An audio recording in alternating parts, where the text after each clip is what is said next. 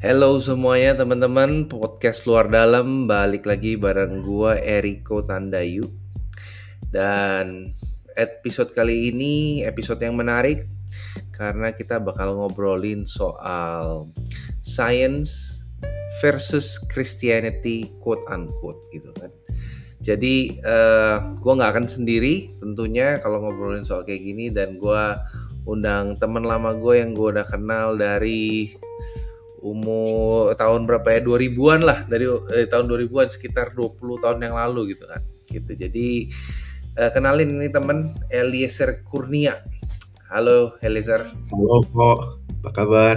Uh, uh, sehat. Lu sehat-sehat bro? Sehat. Sehat dan happy. Seperti happy, ya, Manchester United pada umumnya. Oh haleluya. Erik Ten Hag memang luar biasa ya Yoi. Kalau kita mau bahas leadershipnya itu, wih bisa. itu bisa jadi podcast sendiri. kita bisa bikin podcast soal Manchester United. Boleh, boleh, boleh. Itu kayaknya akan menarik, akan menarik banyak listener lebih banyak. Tapi itu yeah. bukan part of the apa ya purpose of the podcast ini. Jadi mungkin bikin channel baru. well, we'll see. Iya, jadi ini gue kenalin dikit Eliezer ini sekarang lagi ada di Jerman, uh, ambil lu S2 atau S3 sih, Bro? S3 sekarang. S3 Edun, ya S3 ya. Jadi gue kenal dia dari dia umur umur berapa? Oh, oke okay lah, lu yang lu yang kenalin ini lah. Ya, halo semuanya, luar pet oh, sorry, luar pot luar dalam podcast. ya, uh, gue Eliezer. Uh, saat ini gue lagi di Jerman, lagi ambil program S3, bidangnya Technical Chemistry. Dan ya kayak yang tadi Ko Eriko udah omongin juga, uh, kenalnya udah cukup lama dari uh, di gereja pertamanya. Waktu itu dia salah satu ya, let's say leader dan saya adalah salah satu bocah yang suka ngerecokin dia. jadi ya bener-bener senior senior saya lah maksudnya. Dan kayak over the years banyak belajar juga. Dan ya walaupun sempat Koyariko sempat ke Aussie waktu itu ya ke mana terus hilang ya, kontak. sempet. tapi ya sekarang dengan sosial media jauh lebih gampang sih koneksinya lagi. Gitu sih iya, jadi ya itu lagi Iya, jadi dulu itu Eliezer tuh gue pertama kali kenal waktu gue ini ya uh, masuk uh, datang ke Grabs GKPB Fajar Pengharapan tahun 2002. Katanya Eliezer tuh lu umur berapa bro? 10? 12. 12. baru lulus baru lulus uh, eh, SD masuk SMP oh. dan suaranya masih belum pecah ya gue gue ingat suara lu masih belum puber itu. yeah. Bodoh pisan. Aduh, gila ya. Sekarang dia udah S3 dong. Mantap lah. Makanya gue undang S3 di podcast Science versus Christianity. Oh, berat. iya. Jadi Oh ya, sekedar pengingat aja teman-teman. Jadi podcast ini memang ya tempat obrolan, diskusi terbuka. Tapi ya tujuan dari podcast ini adalah pada akhirnya buat gua supaya bisa kasih legacy buat anak-anak perempuan gua dan sambil nunggu mereka agak gede dikit untuk siap dengerin uh, deep talk kayak gini ya ya buat orang-orang yang memerlukannya gitu ya. Hmm. Begitu. Nah, Bro, kita kan udah uh, sepakat nih mau ngobrol soal science versus yep. Christianity, which is nanti conclusionnya adalah memang apakah ini harus versus. Jadi kan ini ini ya science versus Christianity tanda tanya ya sebenarnya ya. Ya. Yeah. Tanda tanya karena kan uh, ya apakah memang harus versus atau bisa go hand in hand gitu kan? Yup. Dan sebagai disclaimer teman-teman, uh, gue pribadi, gue pribadi nih ya, gue pribadi hanyalah science enthusiast kalau bisa dibilang. Kalau kayak tech enthusiast gitulah, gadget freak. Kalau science mungkin nggak nggak sampai science freak sih gue.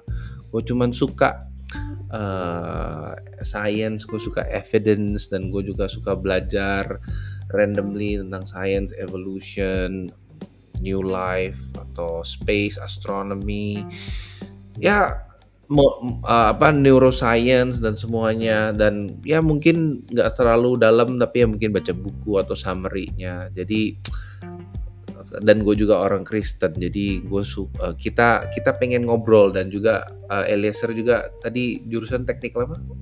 Technical chemistry technical chemistry gitu. At least dia punya kredibilitas lebih baik daripada gue soal science.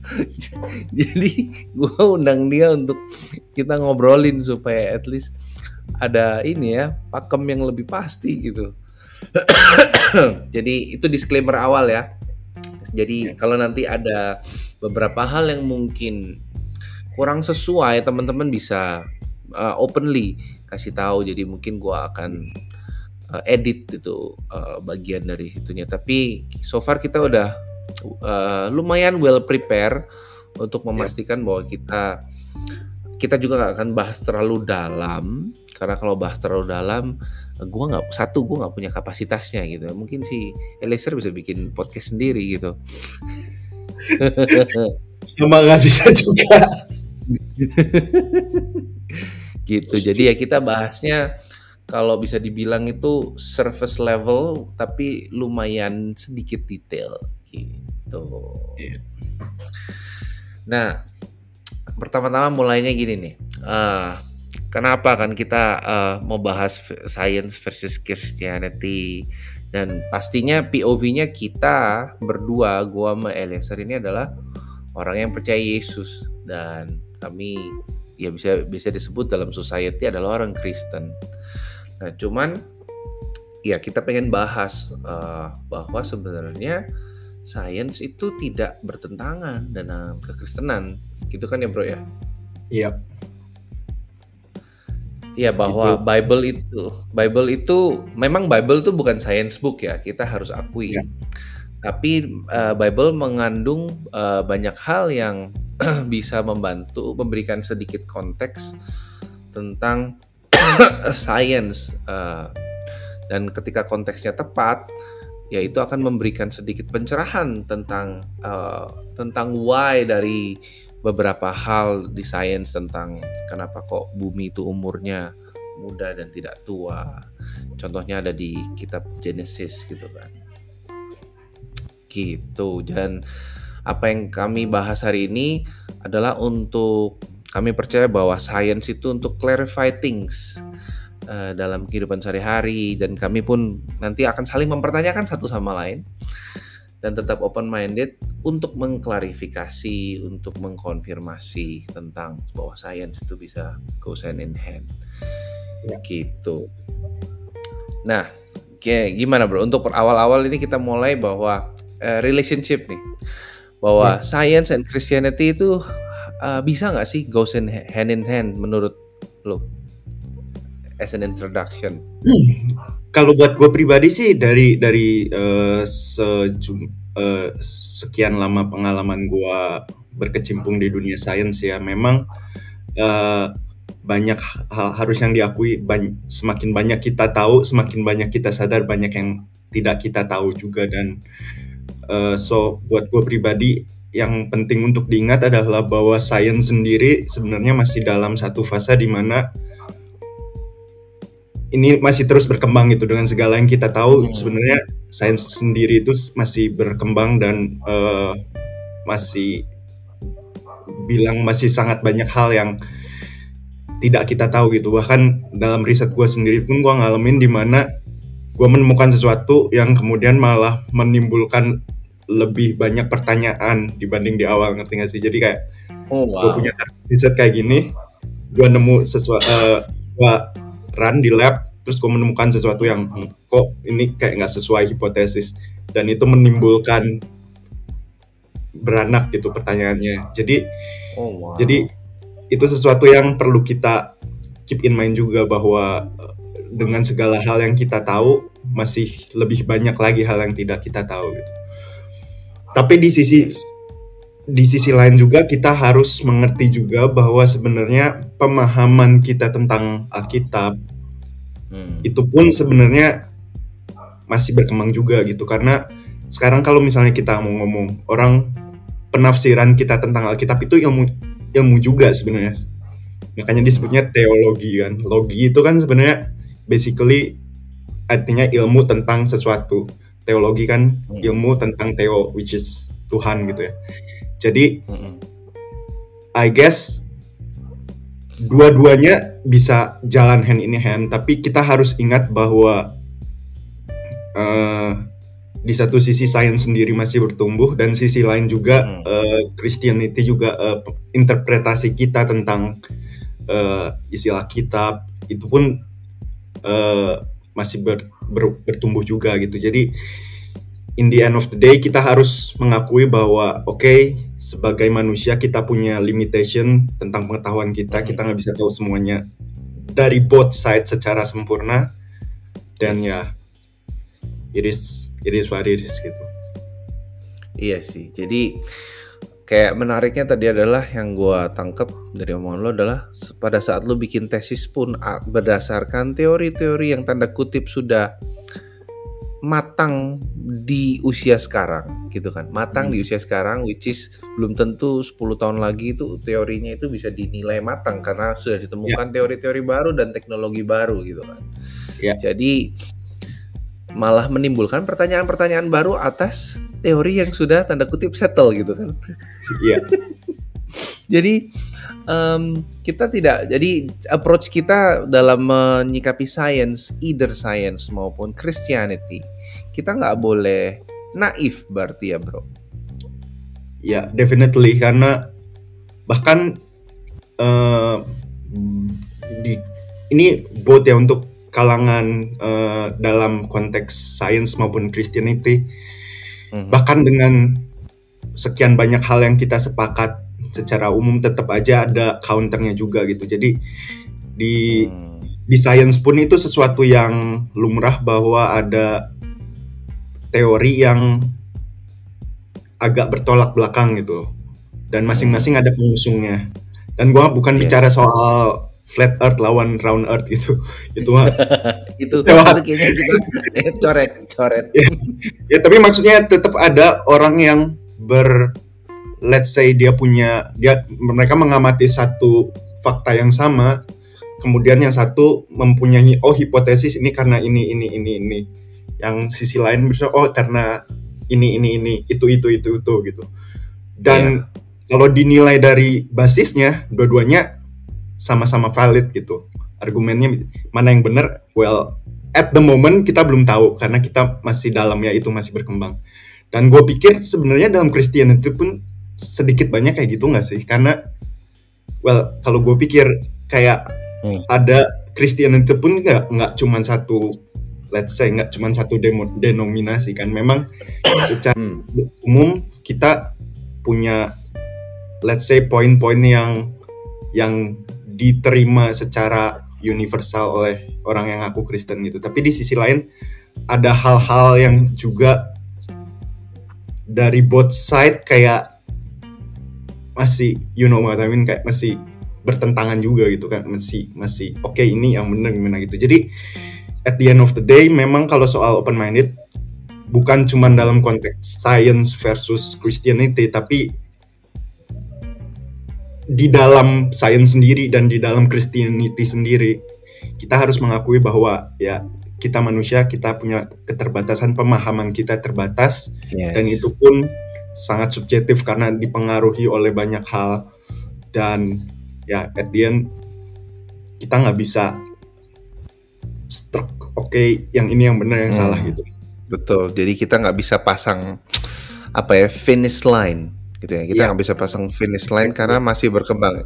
Kayak Iya. menariknya adalah kayak gue pernah baca gitu kan dan Hmm. bahwa sekitar abad eh, sebelum penisilin ditemukan, sebelum penisilin ditemukan, eh, penisilin itu adalah eh, penahan rasa sakit gitu ya. Hmm. Itu eh, apa berarti semua wanita itu kan eh, melahirkan itu tidak pakai obat penahan rasa sakit.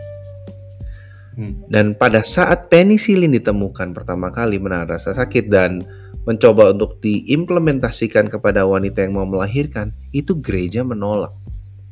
Ya. Gitu. Dan itu kalau nggak salah dangkal itu pada saat abad berapa ya 16 atau 17 gitu nanti bisa di kita uh, teman-teman kalau ini bisa Google sendiri tapi around that era itu gereja menolak gitu kan uh, dan menganggap bahwa itu tidak alkitabiah.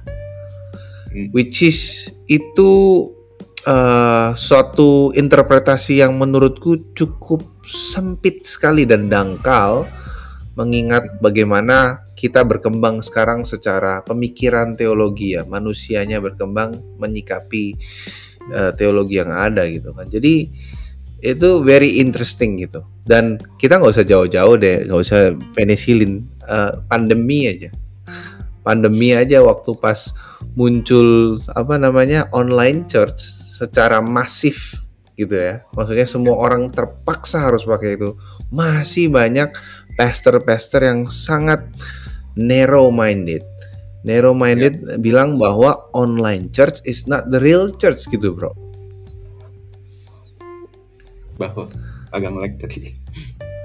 Ya, jadi kan kalau per pandemi itu uh, banyak pastor yang bilang bahwa online church is not the real church. Ya. Yeah. Tapi on the other hand, ironically uh, online giving is the real giving also. Ouch. Uh. Iya kan? Uh, ya, sorry to say church gitu kan.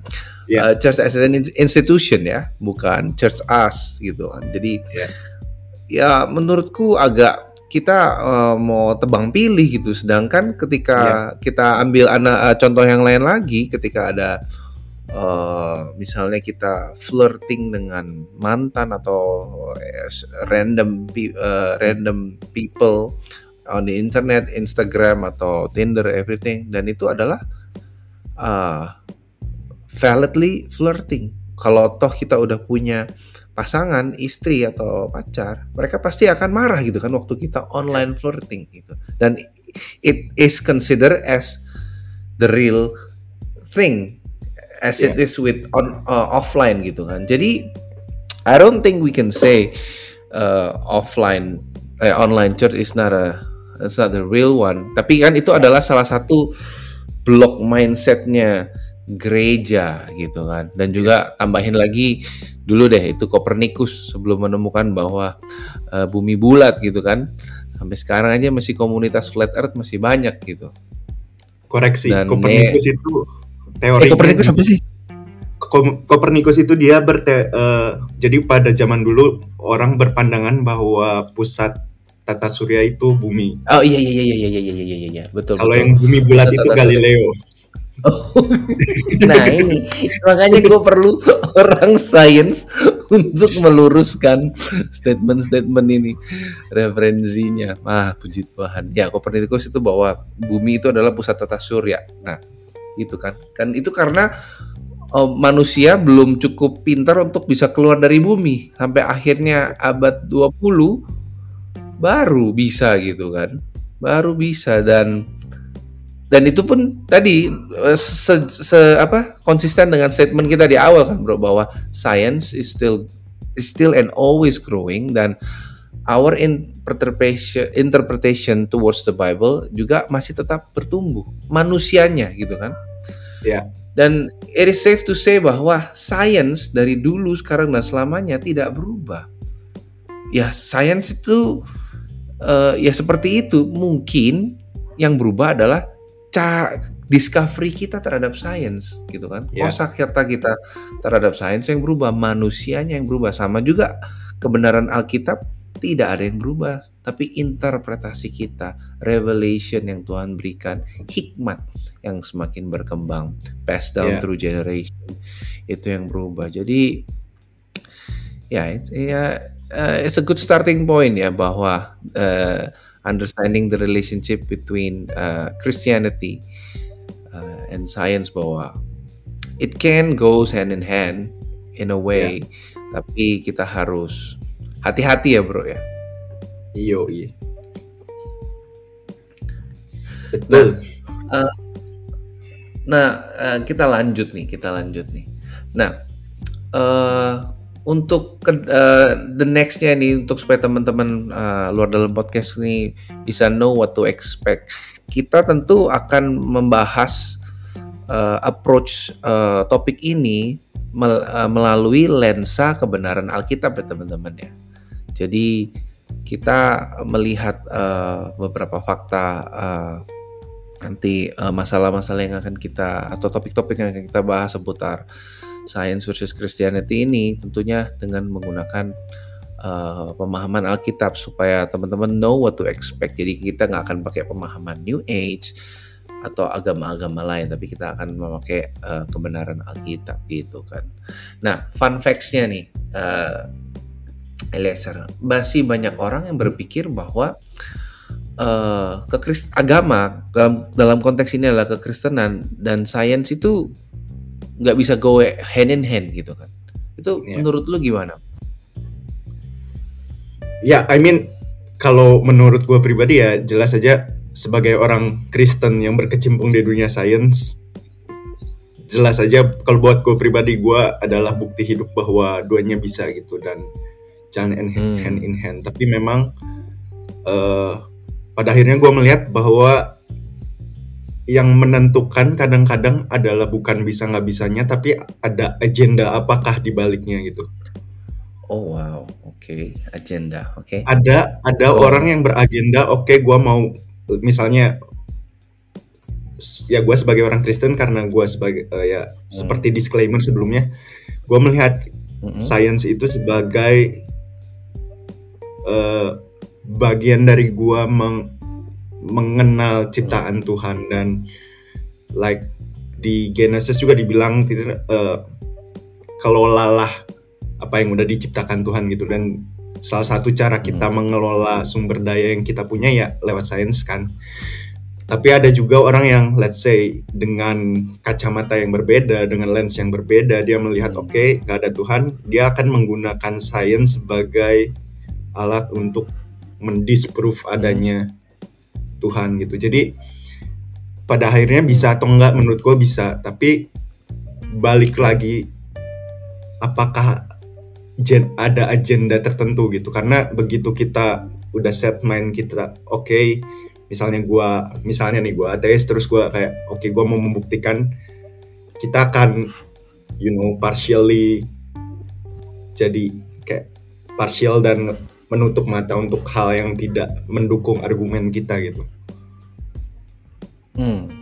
Gitu. Jadi kalau bisa, oke, okay. bisa gitu. Menarik. Nah, apa namanya?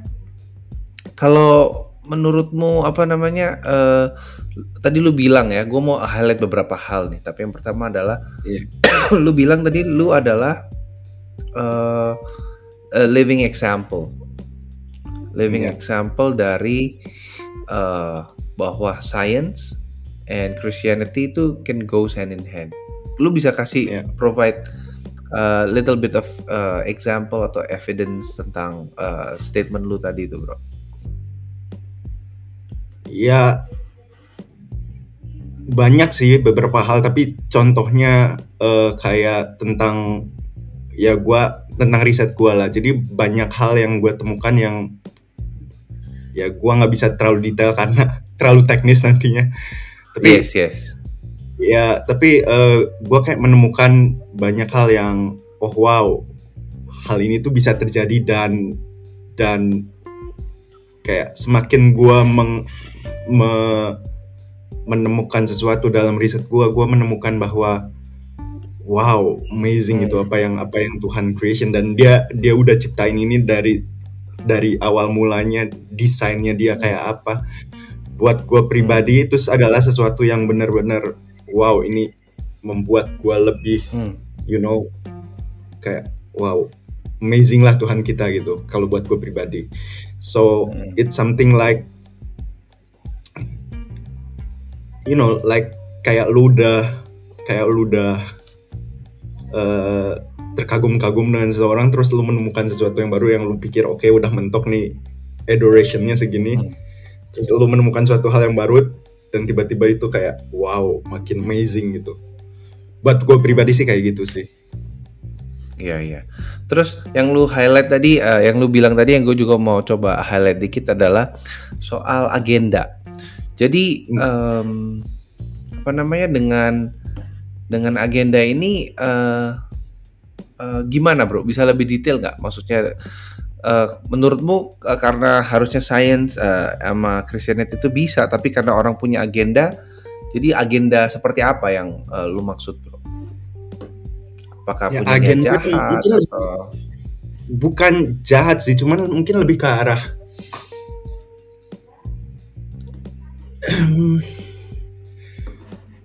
mungkin a bit kayak memaksakan oke okay, gue punya pandangan kayak gini dan gue berusaha mem memvalidasi pandangan yang gue punya gitu karena hmm. harus diakui juga banyak orang yang gak ya kayak tadi di awal perlu open minded kan dan banyak orang yang cukup close minded yang kemudian menggunakan hmm. science sebagai tool untuk memvalidasi close mindednya mereka hmm. gitu so buat gue pribadi ah. sebagai sebagai scientist sebenarnya uh, salah satu kualitas scientist yang paling perlu adalah kita harus siap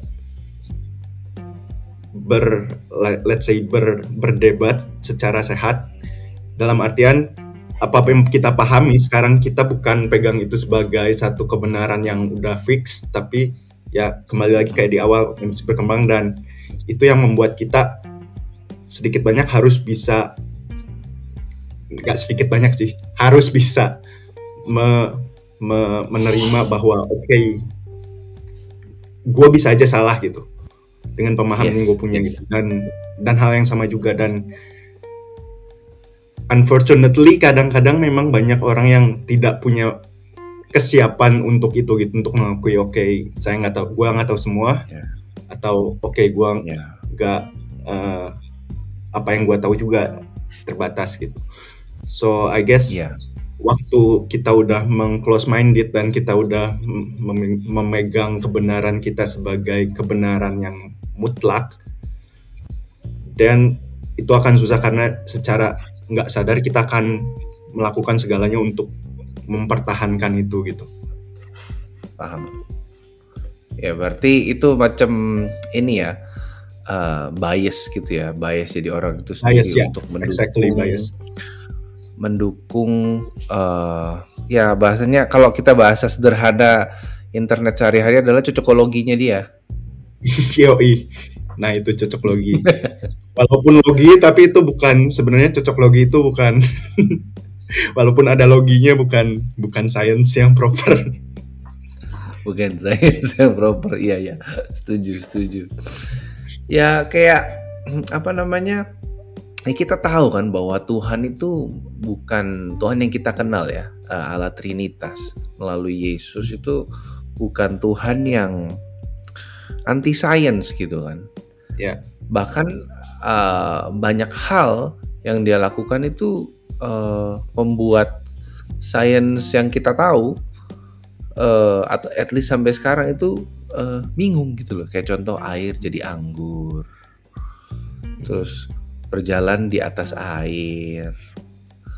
Terus bangkitin orang mati. Itu itu itu gimana penjelasannya gitu kan. Dan dan ciptaan deh Genesis kita kita bahas Genesis gitu kan. Dia ngomong semua jadi gitu kan. Kalau gue ngomong anak gue aja kadang nggak dengerin gitu. Nggak jadi. Iya. Iya jadi menurutmu gimana uh, Eliezer untuk statement bahwa Tuhan tuh bukan Tuhan yang anti science uh, ya pada akhirnya kalau buat gue pribadi ya itu ya karena salah satu contoh yang tadi gue bilang bahwa uh, science itu bagian dari bagian dari let's say upaya manusia untuk me, me, mengenal ciptaan apa memahami ciptaannya dia. Hmm. Tapi di satu sisi lain juga yang yang revelation yang gue dapat waktu gue siapin materi ini juga adalah uh -huh. uh, kembali ke soal Genesis ya. Jadi kalau kita uh, ya sedikit konteks Genesis itu salah satu yang bisa dibilang adalah uh, kitab yang cukup vital di Alkitab karena hmm. di situ ada kalau kita uh, baca itu adalah itulah kayak fundamen kayak fondasinya yang di di atas itu kita bangun Christianity gitu. Dan hmm. kalau kita pikir lebih lanjut ada bagian dari uh, Genesis yang orang paling sering serang biasanya adalah soal pencip, uh, penciptaan creation karena hmm. dan logis gitu pertanyaannya kenapa kok bisa tahu padahal kan itu terjadinya pasti waktu awal itu kan belum ada orang bisa tahu gitu kan hmm. dan ya itu revelation Tuhan ke penulis uh, ke penulis Genesis dan tapi yang menarik adalah yang gue sadari di waktu gue mempersiapkan materi ini adalah uh, kayak Tuhan seolah-olah mempertaruhkan integritas dari Genesis yang merupakan uh, merupakan let's say salah, salah satu kitab yang paling penting di Alkitab. Hmm. Tuhan kayak mempertaruhkan integritas itu let's say sampat ke sains gitu. Kenapa? Karena hmm. dengan sains orang bisa ada dua kemungkinan. Tuhan uh, Tuhan orang bisa membuktikan bahwa creation itu salah atau creation itu benar. Itu karena hmm. dengan cara lain nggak bisa. Orang lain nggak bisa. Kita nggak bisa cuma dengan itu. Dengan sains kita at least dengan yang sampai sekarang teori yang kita tahu itu kan disebutnya Big Bang teori kan. Yes. Dan itu science gitu.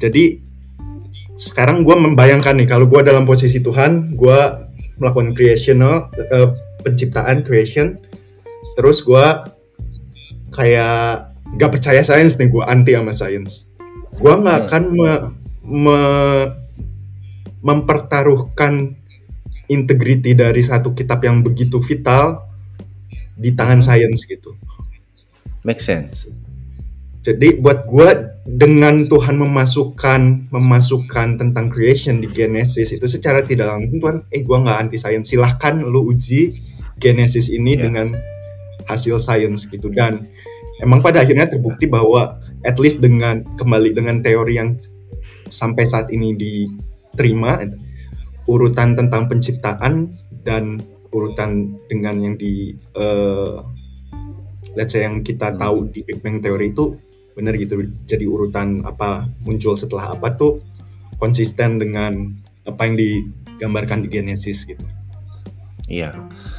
Iya sih menarik sih bahwa statement lu bahwa Tuhan nggak akan mungkin mempertaruhkan integritas kalau memang dia mau ini kan uh, mau me mengcounter ininya sendiri dia, dia dia pasti udah tahu kan kalau udah prepare dan Tuhan memang Tuhan yang uh, ini ya berani ambil resiko menurut gua kan dengan dengan dia datang ke dunia uh, uh, uh, lewat Tuhan Yesus gitu kan. Tuhan Yesus datang terus jadi manusia. I think itu adalah satu kontroversi kalau misalnya ada dewannya Tuhan gitu ya misalnya ada counselnya Tuhan uh, hmm. selain Allah Trinitas ini ini ini asal ngomong gitu ya.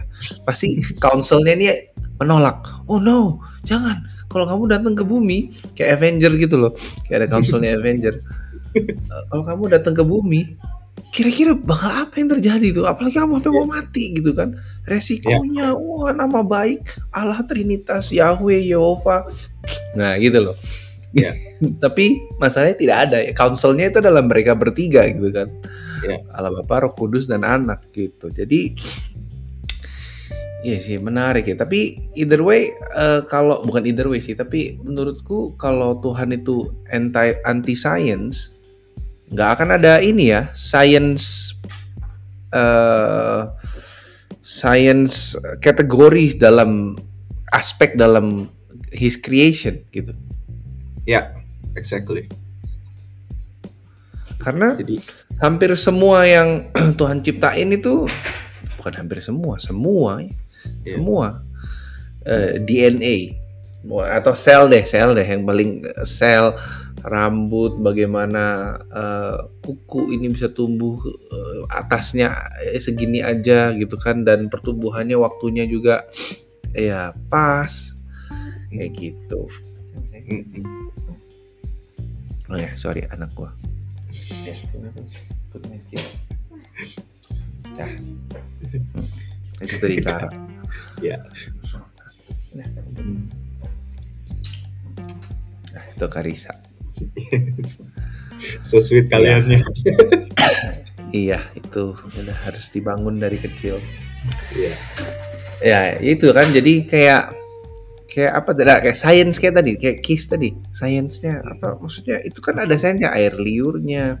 Terus kenapa Iya. kok dari ke- kegiatan itu stimulusnya ke otak bisa memberikan rasa Iya. bahagia Ya. gitu kan maksudnya Ya. Kalau itu adalah sebuah produk dari chances satu banding 10 triliun chances of evolution kenapa kok kenapa kok ini bikin bahagia gitu loh Iya. why gitu kan Chancesnya berarti harus kiss 10.000 ribu orang baru satu kali bahagia gitu. iya maksudnya itu baru satu satu aspek Iya. eh, apa namanya eh, itu tadi kan dan kalau misalnya kita bilang mata ini adalah hasil evolusi dan eh, satu banding 10 triliun chances berarti harus Hmm. ada 10 triliun percobaan dulu gitu baru Iya. mungkin yang ke 10 triliunnya atau either 5 triliunnya which is kalau itu by chances kok bisa hasilnya tanda kutip sempurna gitu kan Iya. It's Exactly. just it's just apa namanya aku nggak bisa terima apa eh, argumen bahwa eh, kita ini product of chances gitu bahwa kita ini by chances aja banding 110 triliun dan segampangnya eh, orang eh, ngomong ngajar bahwa eh, kita ini dari monyet gitu kan. Dan ya, ya mungkin kita nggak bisa jawab ya. Mungkin kita nggak bisa Ya. jawab kenapa kok eh apa itu? Ya apa homo homo apa sih? Kalau yang sekarang itu kan homo sapiens seperti homo Kan homo eh, apa erectus. Wah itu. Nah itulah homo soloensis. Semua. Homo erectus, Homo soloensis, Homo sapiensis. Iya. Eh, itu kenapa kok ada? Kita nggak tahu gitu kan? Kita Ya. kita nggak tahu gitu. Jadi apakah mereka related sama Adam dan Hawa? Atau dulu ada kawin campur sama makhluk tertentu kita nggak tahu. Nanti nanti kita cari tahu gitu kan. Itu bagian yang yang masih menjadi misteri saat ini. iya. Ada beberapa ini nih eh, apa namanya eh, statement yang gue kumpulin nih um, Eliezer. Yang beberapa itu yang cukup menarik itu adalah uh, trigger gua dari apa saintis Kristen ya bilang ini kalau evolution itu benar Hmm. dan kenapa kok kita struggling by nature uh, terhadap evil atau kejahatan di dunia gitu kan kenapa Hmm. kita kok merasa sangat uh, apa ya we feel so bad waktu kita melakukan kejahatan gitu loh kalau Ya. memang kita ini adalah produk evolusi siapa yang tanam apa kenapa kok ada perasaan so bad Ya. by nature loh itu maksudnya Ya. kalau kita lihat sebelum orang paham agama anak kecil waktu bohong itu mereka langsung tahu gitu loh kita Ya. pun tahu gitu kan waktu pas kita mulai gain consciousness umur 5 atau 6 gitu kan Ya. tanpa ada orang yang tanam doktrin apa pun Ya. dan kalau eh, evolusi itu adalah benar eh, dan kita harus jalani itu tapi ya kenapa kok ada kejahatan dan kebaikan kenapa kok ada dua kubu Ada ya. I think question of morality nih. Iya, morality. Who puts morality gitu kan? Ya ya, karena kalau kita lihat dari monyet gak ada. Let's say. But that's there's also like itu buat gue juga. I mean gue baru denger sekali ini dan itu eh, menarik sih memang. Oh iya juga gitu kalau karena kalau kita lihat hewan kan nggak punya conscious. Oke dia dia curi apa yang penting gue makan gitu kan. Mm-mm. Even lions eats their own cubs gitu kan? Ya. Eh, bukan nggak own, nggak their own, tapi maksudnya kalau mereka mau uh, married sama lioness yang uh, janda gitu yang lain, mereka akan makan Makan eh, ini anak anak tirinya mereka bakal anak tiri mereka tuh dibunuh gitu loh. Ya. Ya. Gitu kan. Dan they don't feel bad about it. Ya, ya. Wow, well, it's interesting point. Gitu kan. Itu itu struck me very deep gitu. Struck me to the core bahwa kok bisa evolution itu kasih kita sense of justice gitu kan. Ya sense of morality bahwa kita harus melakukan yang benar despite apa pun agamanya. Iya. Dan semua agama percaya itu gitu kan? Iya. Even orang yang tidak percaya agama, ateis juga percaya ya. bahwa kita harus melakukan yang baik dan benar. Iya. Ya itu it, gue nggak bisa paham uh, kenapa itu bisa ada dan bisa dibilang karena by chances this oh gua gua nggak bisa terima gitu gua nggak bisa terima gitu kan ya yeah. dan apa lagi kalau menurut lu uh, Eliezer lu kan apa um, ya practically scientist gitu lah ya lu bisa dibilang technically scientist juga dan practically mm-hmm. scientist juga menurut lu uh, apakah semua apa ya nature uh, kita uh, yang dunia kita ini semua science nih apakah itu semua by chances atau ada ada intelligent designernya? Kalau buat gue sih definitely ada intelligence designer. Karena kalau balik lagi ke soal creation and everything, oke, okay, memang uh, kita belum tahu gimana full story-nya. Tapi yang gue hmm. yang gua selalu pikirin adalah kalau buat gue pribadi kenapa gue berpikir bahwa there has to be something behind everything yang men-trigger? Karena gini sekarang semua alam semesta kita itu kan dibangun atas yang namanya materi kan hmm. dan sebenarnya apa yang kita lakukan sekarang adalah basically kita cuman mengubah-ubah materi jadi apa jadi apa jadi apa. Tapi kalau kita yes. pikir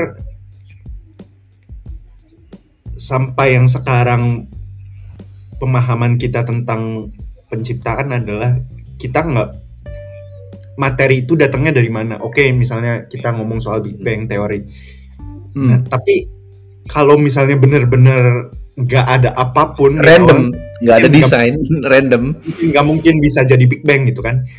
at least dari nothingness ini nggak ada pasti ada sesuatu yang harus pertama diciptakan supaya bisa jadi Big Bang gitu. Iya. Jadi kalau Dan, runut lagi ke awalnya nggak mungkin nggak mungkin sesuatu yang dari yang dari nothingness itu tiba-tiba jadi Big Bang gitu kan. Karena untuk Big Bang sendiri itu harus ada sesuatu yang bang gitu kan. Sesuatu yang iya, iya. Iya. Gitu. Dan ya pada akhirnya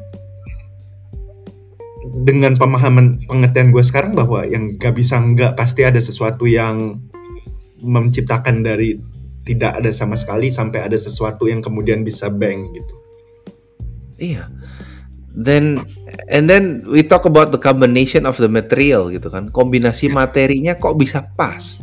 Kenapa kok kombinasinya uh, let's say kita ambil yang paling uh, tanda kutip paling sederhana uh, tumbuhan kok kombinasinya uh, daun, akar. Kok siapa, yeah. siapa yang nentuin daun berfungsi sebagai fotosintesis? Yeah. Dan kok bisa pas ada uh, kok bisa kok uh, fotosintesisnya sama matahari yang juga by chances gitu kan?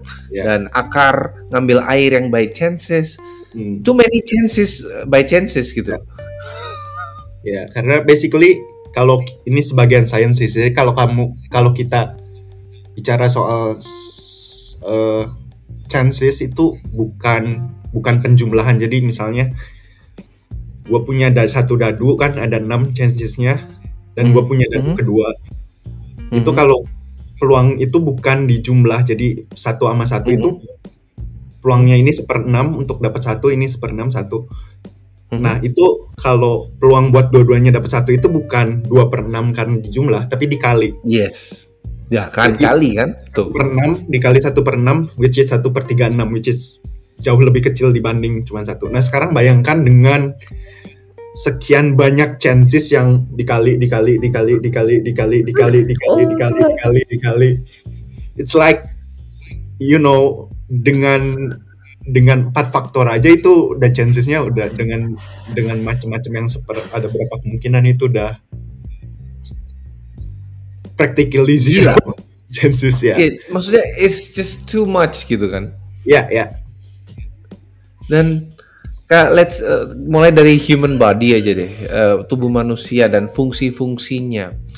Kok kok bisa nentuin masuk makanan dari mulut dulu, turun yeah. ke iya. tenggorokan, yeah. lalu lewati apa ini gua nggak tahu namanya selang lah uh, ke bawah terus bisa ke lembut terus ke uh, itu terus masuk ke lambung usus ke usus ususan itu semua yang gua nggak tahu urutannya gimana dan terus bisa disaring nutrisinya uh, ada ginjal, lalu ada le, ada ada lever hati, terus diserap yang diperlukan lalu disalurkan melalui darah itu kan proses sistem yang yeah.